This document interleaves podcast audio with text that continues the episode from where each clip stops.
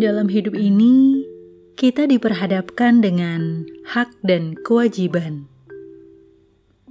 Umumnya, orang akan bergegas bila menyangkut dengan haknya. Tapi jika diminta kewajibannya, ntar dulu. Memang lebih mudah menuntut daripada memberi.